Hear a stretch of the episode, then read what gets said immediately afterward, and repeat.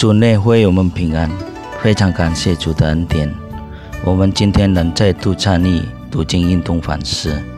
读经运动反思之前，请阅读本日读经运动的经文和请阅读本日读经运动的短诗。各位弟兄姐妹，大家好！希望弟兄姐妹都在活在神的恩典中。今天的读经运动的反思。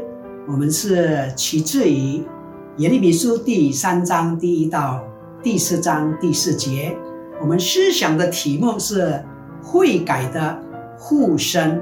在还没有思想之前，我们再次低头，我们进入祷告。天父上帝，我们谢谢你，今天是我们有美好的聚会来思想神你的话语。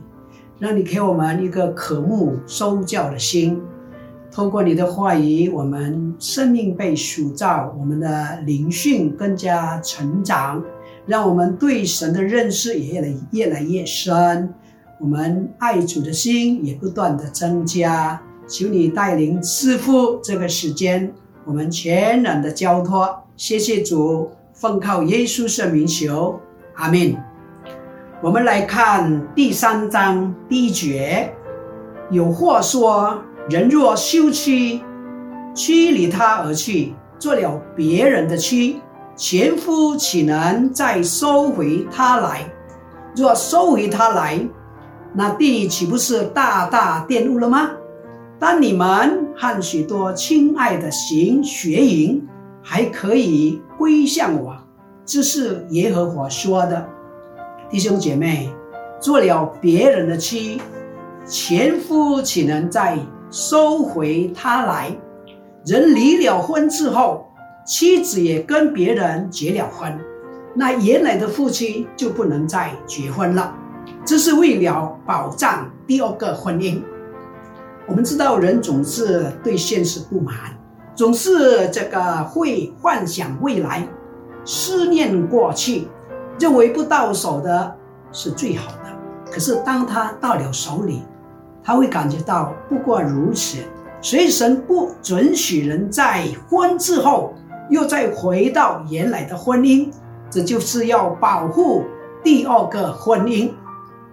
在第一节的下半节说：“当你和许多亲爱的行学营，还可以归向我。”做弟兄的，如果妻子跟很多人行学学淫，他还会接受他的妻子吗？通常弟兄是很难接受这种事情。如果是姐妹，丈夫有了小三，她可能还会接受她的丈夫。其实这里并不是在讲婚姻，而是在讲一些人。离开了他们的丈夫，就是离开了耶和华。可以再回去吗？我们的上帝实在是宽容大量，他的爱无穷无尽，他接受一些人啊，倒回来接受他们。在第四章第一到第二节这样说：上主这样说，以色列人呐。如果你们要回头，就回到我这里来吧。如果你们除去我憎恨的偶像，不再摇摆不定，第二节你们就可以用自自诚、忠直、公平的态度，只做我的名发誓，这样万国都会向我求福，都会颂赞我。归向上帝，或是悔改归向上帝，是基督徒或是基督教信仰中心的思想思想，或是中心的信息。没有悔改，就没有上帝在耶稣基督里的这个赦免。上帝透过这个先知耶利米呼吁以色列以色列人民，要他们回来转向上帝。上帝就接纳他们，因为他们之间的关系如同父子一般的这个亲密不分的关系，也如夫妻一般的亲密。只有一点，就是要以要以色列人民悔改归向上帝，上帝会赦免他们过去所犯的一切罪过。我们可以这样说：悔改乃是取得上帝怜悯啊唯一的途径。人不可能透过丰富的这个献祭来啊引起上帝的欢心，这是不可能的，因为上帝根本。就不需要人所献上那些在人看来是很贵重的这个礼物，因为圣经告诉我们，一切万物乃是，呃，由上帝而来。若不是因为上帝的怜悯赏赐，人根本不能得到什么。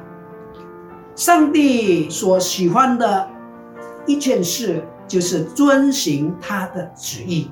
依照他的教训而行，这就是先知弥迦所说的，在这个弥迦书第六章第八节，伸张正义，施行不变的爱，谦卑的跟我们的上帝同行。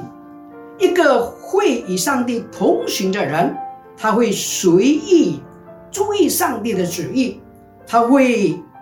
也会知道，背弃了上帝的旨意之后，最重要的乃是悔改、认罪的心回到上帝的跟前。亲爱的弟兄姐妹，今天的教会必须注意这件事，乃是要告诉今天的社会、今天的人们，要用真实悔改的心来亲近上帝，因为基督教会的存在。就是要传悔改的信息，也这也是耶稣基督被差遣到世上，呃，主要的目的。我们相信，当我们呼求神的时候，重回到他的面前时，他就用慈爱的来接纳我们，并且用怜悯来包扎我们的伤口。更要用饶恕的恩典来爱我们，求神赐给我们一个软化的心，使许多人感受到神的爱、神的怜悯，转向神，亲近神。我们在世低头，我们敬着祷告，天父上帝，我们感谢你，你的爱是无穷无尽，你是满有怜悯慈悲的上帝。当我们肯谦卑的认罪悔改，你的你就打开你的双手来接纳我们，来怀抱我们。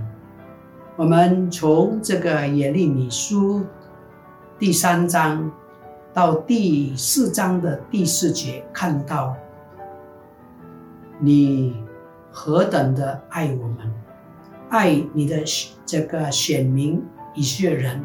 当他们这个犯罪，你没有撇弃他们，只要他们肯肯悔改，你就接受他们。同样，我们感谢你，你也是会接纳我们。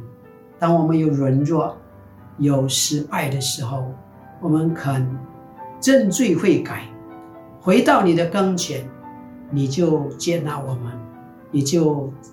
带领我们，祝福我们，去听我们在你面前的祷告，是完全的奉靠耶稣圣名求，阿门。